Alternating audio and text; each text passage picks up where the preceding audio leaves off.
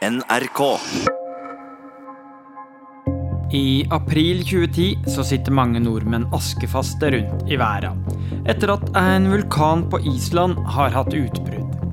På akkurat samme tid så sitter fem barnevernsbarn fast inni et svært røykfylt stabbur i Setesdal. Vi er fra Kristiansand. Vi har aldri sett en sånn stabbur før. Vi bare gikk inn der og håpte vi, det gikk greit. Jeg var den eneste som sa vi kan ikke gå inn her. Det er midt på jordet. De vet at vi er der. Men når, når alle sier nei, så må jeg være med gutta. Sånn er det. Glenn og kompisene har forskansa seg i ei røykstoge til å røyke slikt som fisk, pølser og skinker. En plass der ute så er politiet på jakt etter gutta. Som er på raid, på rømmen og på full fart inn i Sørlandets verste krimbølge.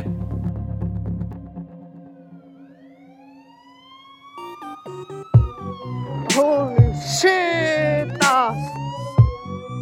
Barnevernsbanden. En serie fra P3 Dokumentar av Vebjørn S. Espeland. Fem-seks dager i uka var vi ute og, og kjørte, rett og slett. Og var nesten aldri hjemme hos oss. Men eh, da var det første gang jeg gjorde noe sånn der skikkelig alvorlig uten å brenne ned hus og sånt. da. Det har satt fyr på alle plassene jeg bodde i, egentlig. Og vi tok bil til og med i pausen på skolen, liksom, bare for å ha noe å gjøre. Vi sa jo alle sammen at vi må slutte når vi blir 15, for da kan vi havne i fengsel. Men det, det gikk jo ikke. På skolen din så var det sikkert noen som stadig fikk anmerkninger eller ble sendt på gangen og til rektor. Kanskje han eller hun begynte å stjele, selge tjuvgods og røyke hasj. Hva ville du da sagt var den beste måten å hjelpe denne personen på? Hva husker du fra den dagen barnevernet kom? Nei, Jeg husker de, jeg ble satt eh, på noe som heter Sankthansgården. Jeg kom inn der, jeg hilste, og de var hyggelige, de. Men det var jo første gang jeg så speed, amfetamin og blå valium og sånne ting. Hadde aldri sett det før jeg kom der. Aldri. Før han fylte 14, så hadde Glenn gått fra sørlandsklisjeer som krabbefiske og strandliv til tenåringssynder som tjall og nasking, og videre til innbrudd i bolighus der folk lå og sov. Mora var naturlig nok bekymra og ringte barnevernet, som allerede hadde bunken med anmeldelser og bekymringsmeldinger fra politiet. Barnevernet så ikke annet råd enn å plassere Glenn på akuttinstitusjonen Sankthansgården. Og etter det, vi, det var da barnevernsmannen ble danna. Det var da vi begynte med innbrudd og ran. Kriminelle 14- og 15-åringer som herjer på Sørlandet, de får ikke nok oppmerksomhet. Det sier en 18-åring som selv har bodd på en barnevernsinstitusjon sammen med disse 14-15-åringene. Ja, når jeg bodde på, på Sankthansgården i Kristiansand, der var det jo flere ganger ungdommer kom inn og hadde spist så mye piller at jeg nesten ikke kunne stå oppe, og ansiktet bare hang ned. Og de satt inn på rommene og røykte og hadde stoff på huset, liksom. Og de kunne sitte rett utenfor på verandaen og røyke hasj og, og sånne ting. Så det var veldig De hadde ikke så mye kontroll der inne. Og da var det en helt annen stemning. Da fikk vi plutselig lov. Kom her, kom her, Emil. Også Emil, 13-åringen som likte å stå på rollerblades fram til han møtte Glenn, blei plassert på Sankthansgården. Fortell hvor vi er nå. Nå står vi oppe her på toppen av Sankthansgården. Vi kan høre bilveien, høre motorveien E18 som cruiser forbi på Bjørndalssletta. Ja. Vi står foran et mørkt og lavt institusjonsbygg litt utafor allfarvei mellom Kristiansand sentrum og Dyreparken med den berømte Julius. Bygget rommer seks barnevernsbarn og noen ansatte.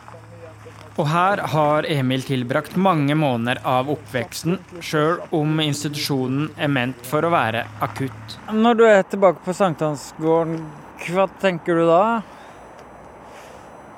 Ja, ikke så mye å tenke. Nettopp kommet ut etter å ha sona en lang dom. Det bringer jo minner, det gjør de, men jeg ser jo de har pussa opp og bytta farge på bygget. og Kjøkkenet ser ikke pussa opp ut. Men uh, utenpå så har de prøvd å gjøre det litt finere. Men åssen er de minnene? De go- gode, dårlige, midt på treet? Midt på treet mine, det er jo det er ikke gode tider, eller samtidig så er det jo barndommen. da. Hvor lenge har du bodd her, da? Totalt. Det blir vel nesten et år, noe sånt. Det er en korttidsinstitusjon, men det er jo forskjellige perioder. og Det er her du blir sendt når ikke de har noe annet valg en annen plass. Åssen var det å bo her, da? Nei, det var jo bare gode harde tider. Hadde mange kompiser her og sånne greier. Mye innestenging og mye husarrest, men ellers, ellers bra. Vi fant måter å komme oss ut på. Så de klarte oss, igjen. Jeg fant et avisklipp om deg. Mm. Hva tror du står i det? Jeg vet ikke. Får vi se. Ja, ja. Se i gamle dager. Blir han norgesmester? Emil Hortmann har gjort det så bra i stein, saks, papir at han har kvalifisert seg for Norgesmesterskapet. Åssen gikk det Resten- i NM? Nei. Nei, det går bra, da. Vi bare intervjuer Emil, vi. Er gammel boer Han, han pleide å bo her, ser du. Så har jeg snakka med Bufetat, men jeg fikk ikke lov til å komme, komme inn her. skjønte jeg. Så. Vi har snakka med Bufetat. Du ser jo Det går bra. Ja. Åssen gikk det? Kom på sjetteplass igjennom. Ble slått ut rett før semifinalen. Så hvis det hadde, hvis det hadde skjedd, eller hadde jeg vært gjennom til semifinalen, så hadde jeg vært videre til Canada da i VM. Men sånn ble det ikke. Da Sånn ble det heller, ble det heller fire år fengsel. Emil og Glenn ble henta etter paragraf 424 i barnevernsloven. Den sier at barn med alvorlige atferdsvansker ved alvorlig eller gjentatt kriminalitet eller vedvarende misbruk av rusmidler kan plasseres på institusjon mot foreldre eller eie samtykke. Den dagen du kom på Sankthansgården, hva husker du fra det? Jeg husker jeg kom inn, møtte bekjente, møtte kjentfolk. Og da skjønte jeg at eh, nå, nå var det i gang. Nå gir jeg faen, liksom. Nå skulle jeg fortsette, fortsette å kjøre. Nå skulle jeg kjøre like hardt. For nå, de har jeg ikke respekt for. Mora mi har jeg respekt for. Men han fant jo en gjeng nede i Kristiansand. Det var barnet, hvem fant den til han fant jo en gjeng nede i Kristiansand. Det var barnet, hvem fant den til han vokste også med problemer. Det var det de kalte han. Som 13-åring sendt på institusjon. Norge er helt i toppen over land som med tvang tar over omsorgen for unger. Her i landet så skjer det nesten sju ganger så ofte som i Danmark. Barnevernet har ei forferdelig vanskelig oppgave. Om de venter for lenge med å ta affære, så kan det gå fryktelig galt, med vold og overgrep. Samtidig så viser forskning at barns problemer ofte eskalerer veldig når de blir plassert på institusjoner. Skal du ha noe Hvis det er noe vann Ja.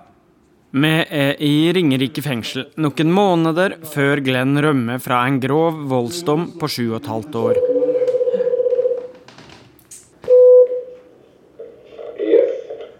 Vi trenger litt eh, boblevann til eh, kilden her. Om eh, vi kunne gå ut og hente det. Kan jeg kalle deg yrkeskriminell? Er det det, eller så? Litt tidlig? Det du kan kalle det, det er jo det som har levd, da. Det er jo det. Åssen er det med sjekkearenaer da? Hvor er det du møter damer når du er kriminell? Det er jo mye kriminelle da. Ikke kriminelle damer, men som er i miljøet. Jeg kan treffe de på byen, overalt egentlig. Det er det samme. Jeg har vært med mange streite damer òg. Hva er det som er sjekketriksa dine? Nei, jeg sier jo 'var faren din tyv'? De sier jo 'tok en stjerne og putta i øynene dine'. Du bruker klassikere? Ja, hvis jeg er veldig fin i formen, så gjør jeg det altså. Eller det bare, Noen ganger det er bare blikk, vet du. Så begynner man å prate. Åssen utesteder går du ut på? Der de spiller housemusikk, folk danser, eller hvor de har vodka Red Bull, der går jeg. Så liker ikke å sitte og drikke vin. Det skal festes. Det skal det. Jeg er glad i å feste. Litt for glad i å feste. Litt for glad i vodka Red Bull? Ja, ja, det, det og så litt av ecstasy, da, da ble det litt vilt. Eh, Glenn, hvor lenge til du har bursdag nå? Åssen dato er det da? 21. Det er fem dager til. Fem dager? Ja. Da blir du 22? 22, ja. Og mange av de har du sittet i fengsel da? Nei, det er jeg ikke sikker på. Jeg har vært inn og ut siden jeg var 16. Ja. Ca. fem år, da? Ja. kanskje? Ja. Og Hvorfor ble det sånn? Det er mine valg, og det var feil valg. Jeg vet hva som er rett og galt, men jeg har valgt å gå på den hva skal jeg si, gale sida. Så det, det er sånn jeg ser det. Det nå. Vet du hvorfor ingen av oss bare gjør sånn? Vi dør sånn, det skjer sånn. Vi bare småtter litt, lukker litt. Vet du hvorfor det er hvitt, hvitt? Snotter opp i nesa, og vi gjør det stort nå. Ikke lok nå. Lille Glenn, jeg tar og skyter deg, for det blir stort nå. Um, ja, skal vi se, jeg fant et radioinnslag. Um, det var mye piller og stoff der, var det ei som sa, ja. I 2010. Hvem sa det? Det var ei jente på et radioinnslag som snakka om Sankthansgården. Ja, ja, det, det, det er roten til alt vondt hvis barn kommer der. Det var jo folk der òg som hadde kommet fra vold i hjem og sånn, ikke sant, som aldri har vært kriminelle, og så kommer de der, og så begynner de òg. Jeg traff en på noe som heter Furukollen. En korttidsinstitusjon som han ble sendt til etter Sankthansgården. Det er liksom samme, bare i Arendal. Og der det var en som aldri har prøvd rus. Aldri. Vet du hva første han gjorde? Han eh, skøyt eh, heroin med sprøyte. Det var første han gjorde. Og da sitter jeg Jeg visste at eh, han skulle gjøre det. Så nei, nei, ikke gjør det. Aldri sett heroin i mitt liv. Aldri brukt sprøyter, ingenting. Og da plutselig jeg banker på til han, og han Det var ikke noe svar, ingenting. Og jeg kan heller ikke gå til de som jobber der og si jeg tror han har tatt en overdose, for da kan, det er sånn tysting, ikke sant. Det er min moral. Heldigvis han hadde hoppa ut av vinduet. Jeg fikk ikke sove den natta. Sånne ting skjer der, skjønner du. Når du kommer fra vold i hjem og ikke har det greit der, og så aldri sett hasj engang, og så ender du opp med å skyte heroin. Skjønner du? Det er ikke bra. Og de har ingen kontroll. Det er altfor drøyt, altså. Det er vanskelig å få bekrefta om denne historia er sann. Men at det florerte av dop på institusjonene som skulle verne barna, det er den daværende lederen for Sankthansgården i liten tvil om. Både i radioinnslag og, de jeg har pratet med som har vært på Sankthansgården, sier at det florerte med dop. Hva tenker du om det? Ja, det gjorde det helt garantert. Muligheten for å kontrollere folk var jo òg redusert. Hvis du skal kontrollere folk, så må du f.eks. ha sluser inn. Du må kunne kroppsvisitere folk. Men fikk ikke ransake de? Nei, kriteriene for det var relativt stramme for å kunne gjøre det i det hele tatt. Men du skulle ha en veldig kvalifisert mistanke før du kunne gå til et sånt virkemiddel. Psykolog Trond Skjæveland hadde jobba i barnevernet i mange år. Og han var i 2009 og 2010 sjef for den statlige Agder ungdoms- og familiesenter, som bl.a. drev Sankthansgården. I 2011 så slutta han i en slags frustrasjon og avmaktsfølelse. Det hadde lite konsekvenser eh, å rømme, f.eks. Og, og det var lite insentiver til det motsatte av rømming. På institusjonene så fikk de heller ikke lov til å kontrollere hva ungdommene holdt på med på rommene sine. Det ble framstilt som ulovlig, og at alle ungdommene hadde rett til å ta med seg sine venner inn på rommet. Trond Skjæveland kan fortelle at trøblete ungdom ble sendt fra hele Norge. Et stort antall ungdom fra andre deler av landet som var plassert i private institusjoner. Ei slags samling i bånn av landet. En samling av de med størst atferdsvansker og minst impulskontroll. Og det til tross for at dama som var barnevernsdirektør i Region Sør i 2010 uttalte Forskning viser at tiltak nær hjemsted virker bedre enn flytting. En av de som snart skulle bli flytta til Sørlandet, 368 km unna heimplassen sin, var Josef fra Aurskog. Etter å ha slåss seg gjennom barneskolen ble han først plassert i fosterheim i Oslo. Og da mista jeg jo den samvittigheten Når jeg er på institusjon og sånn, så har jeg ikke den samvittigheten. da. Jeg er hjemme hos moren min, så er det moren min jeg liksom gjør det mot, da. Josef ble også sendt på skole, med krim som valgfag. Og så ble jeg jo sendt midt i Oslo. satt i klasse med masse kriminelle som var eldre enn meg, og lærte litt av hvert der, da.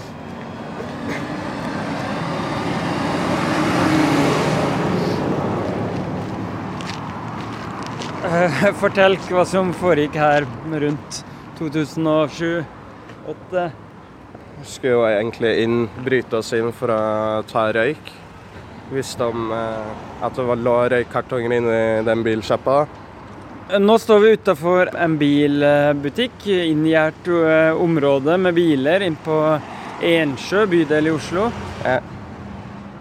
Eh, vi hadde kappa strømmen til butikken så ikke alarmen skulle gå og sånn.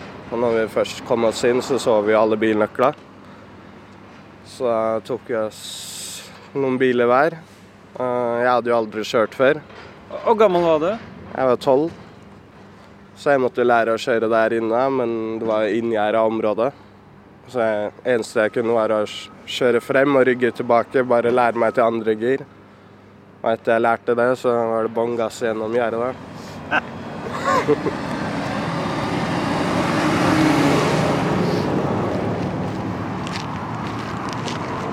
Jeg så egentlig først på MacGyver.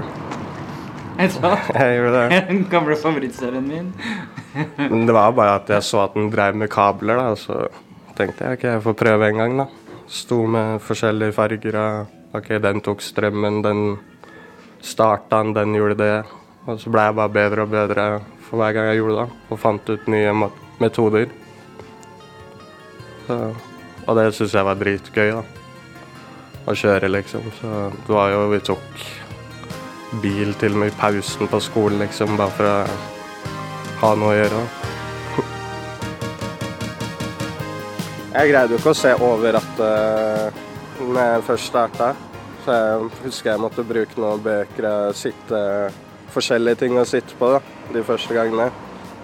Og ja, jeg så jo folk som kjørte forbi, så jo på meg veldig rart, da.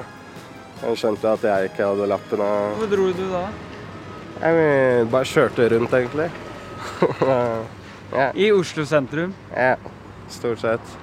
Kort tid etter at 13-åringen cruisa rundt i Oslo sentrum, så blei han tatt for biltyveri. Og sendt på såkalt egnetiltak på Sørlandet, der krim og rus allereie var i ferd med å skli fullstendig ut blant barnevernsbarna. Du var gira på å flytte hjem til mor i Aurskog? Ja, eller jeg sa i hvert fall ikke Kristiansand. Jeg syntes det var litt langt unna alle vennene mine. Og så var det jo litt kjedelig òg. enetiltak med to voksne hele tida. Bare så langt unna alle folk jeg kjenner, liksom.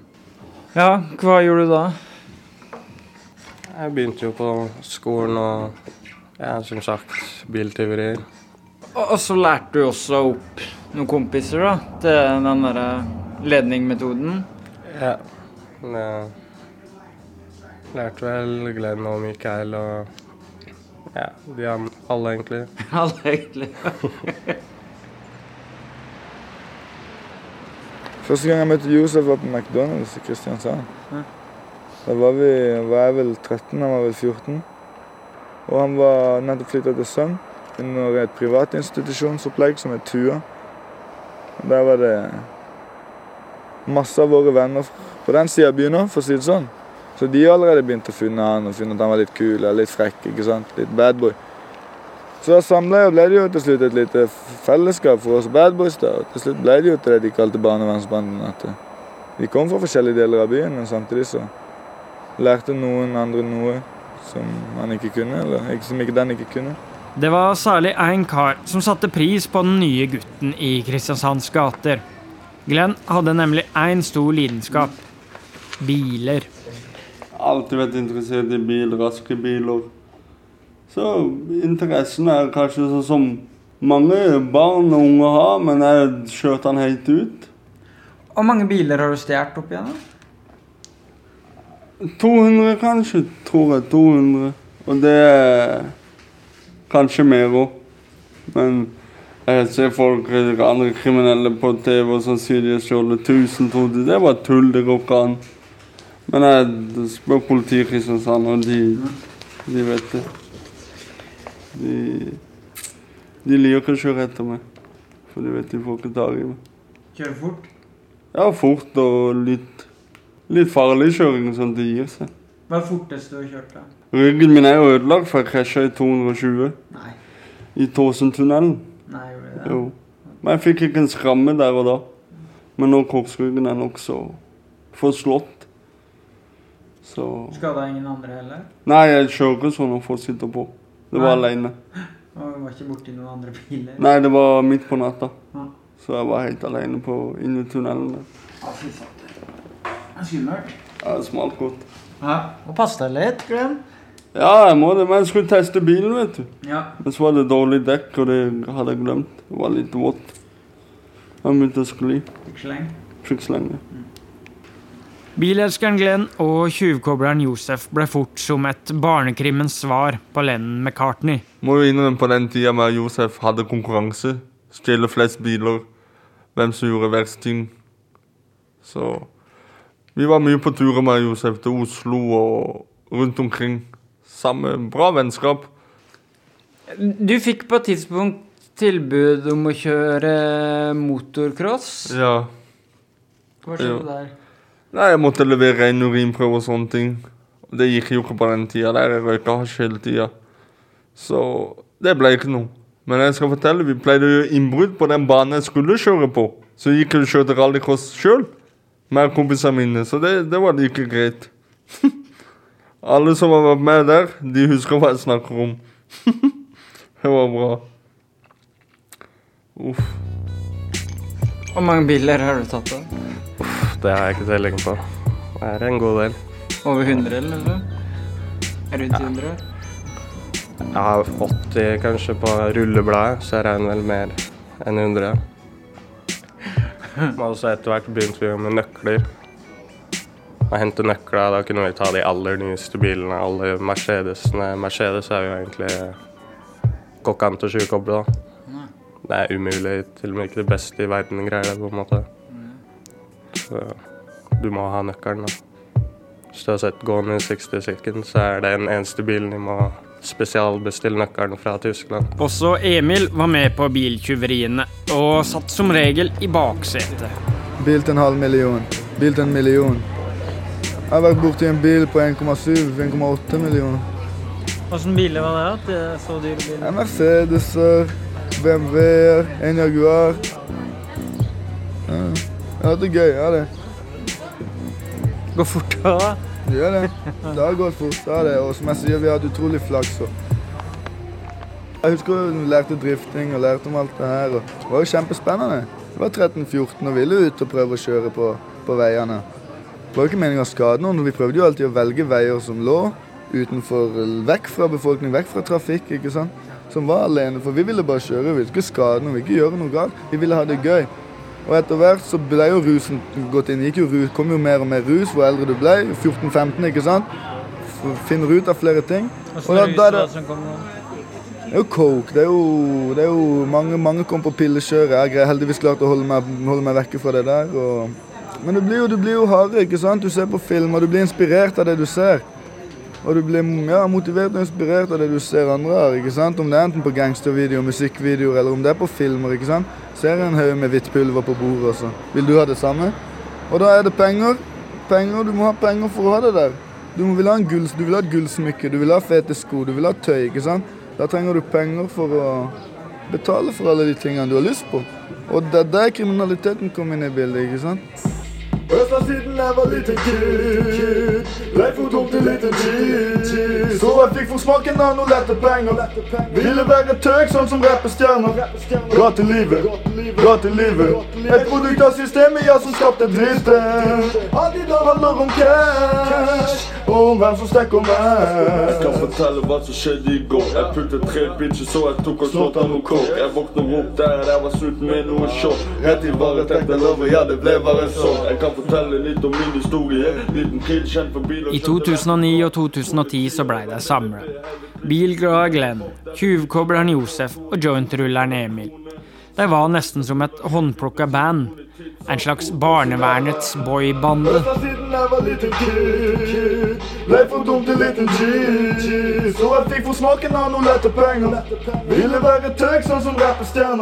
Det var ikke bare Glenn, Emil og Josef som hadde fått smaken på hasj og raske biler.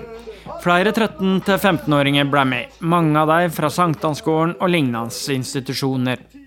Krimtalla i Kristiansand skjøt i været, og politiet ropte varsko om barnevernet i avisene. Fylkesmannen mener barnevernsinstitusjonene bruker for mye tvang, har for dårlig kontroll og ikke skaper trygge nok rammer for ungdommene. Fedrelandsvennen, mai 2010. I forhold til de tyngste ungdommene er det statlige barnevernet en vits. Det er utrolig trist og en fallitterklæring at disse guttene får lov til å utvikle seg til notorisk kriminelle mens de er i barnevernets varetekt. Noe er forferdelig galt. Vi har om lag ti slike ungdommer i Agder. Nils Grønås i Agder-politiet til Fedrelandsvennen, juni 2010. Altså, Det var spesielt, og det ble jo veldig mye avisskriverier omkring dette. Forteller Karin Bertelsen ved kommunen og politiets kriminalforebyggende team. Og, eh, og folk var kjempeurolige. Fordi at eh, vi så for oss noen av disse de kjørte fra nord til sør og øst til vest i bil, ruspåvirka. Og, og vi var jo kjemperedde at noen skulle bli skada. Eller drept. Men ungdommene var svært vanskelige å stoppe. Sjøl om handelsstanden i Kristiansand hadde stramma inn på sikkerheten. Avisutklipp fra Fedrelandsvennen i april Ja. 2010. Fy faen. Ja, dette var jo en fin tid. Dette var en fin tid. Han og han. Når han skulle holde han der inne som var med oss Han prøvde å holde igjen den døra når politiet åpna. Det så bare dumt ut. De var røkka jo opp den døra der. Sju politimenn. Sju politimenn, ja. Fy faen. Glenn sitter på Ringerike fengsel og mimrer tilbake til timene før 14-åringene sperra seg inne i røykstoga i Setesdal. Det var en Toyota Corolla dere kjørte i? Stemmer. Skikkelig drittbil. Skikkelig drittbil. Faktisk har stjålet så mye biler at det husker jeg faktisk ikke hvor vi tok den. Så mye biler var det på den tida. Men vi kjørte jo opp i Setesdalen, da. Vi pleide ofte å gjøre det for der det var mye naive folk, vet du. Det er midt på bondelandet, så ting sto åpent og ikke alarm og sånne ting.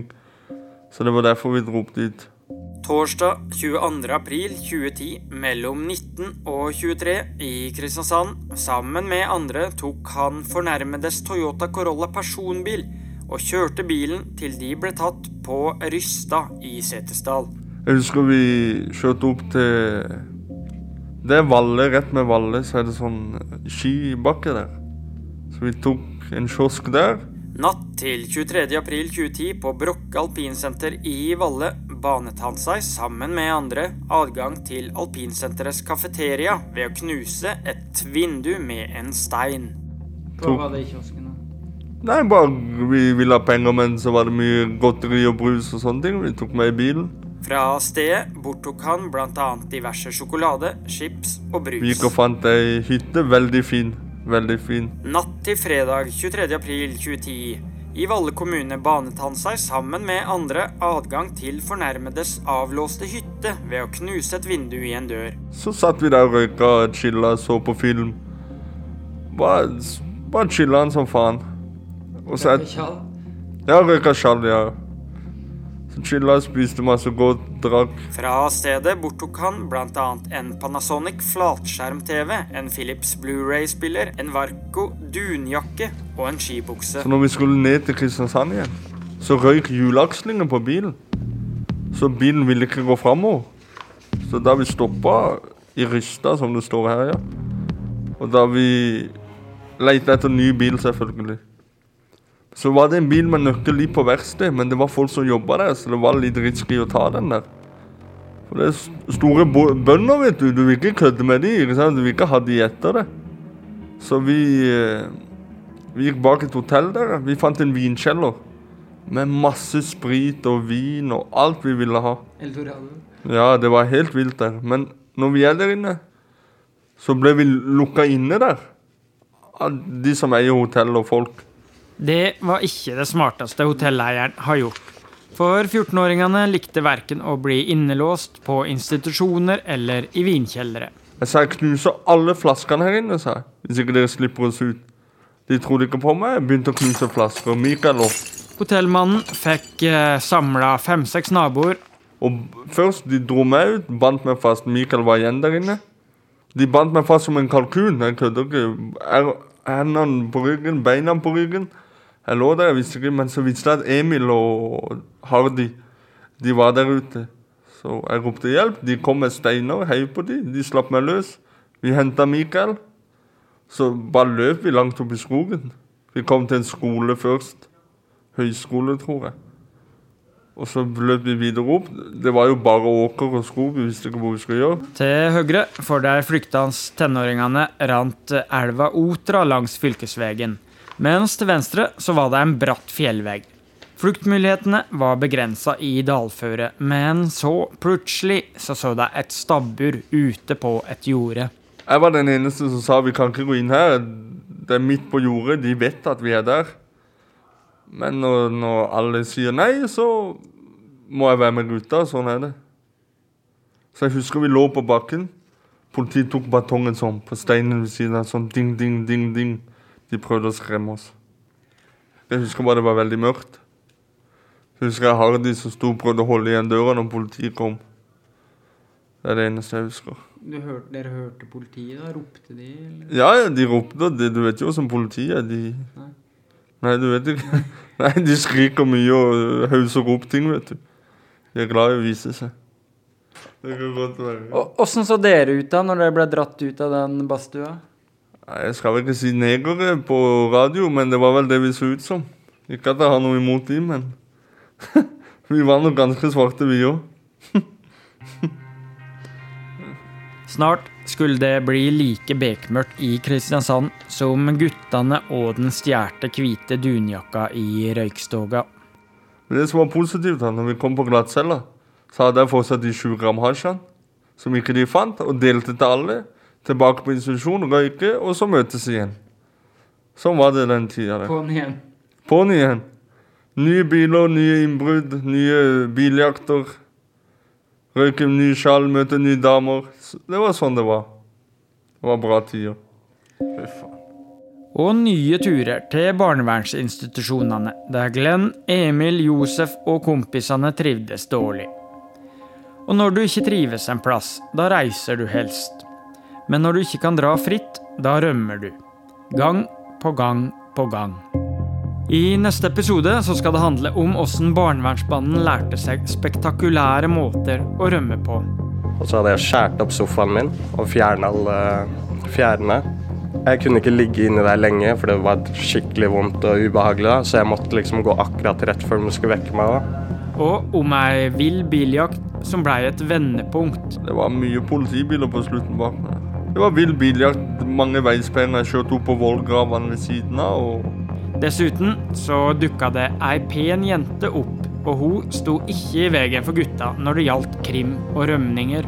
Jeg måtte jo komme meg ned på en måte som de ansatte ikke våkna på. Så da tok jeg og bare bandt dynetrekk og lakenet sammen og bandt det i vinduet, og så klatra ned. Og så firer den ned fem meter? Ja.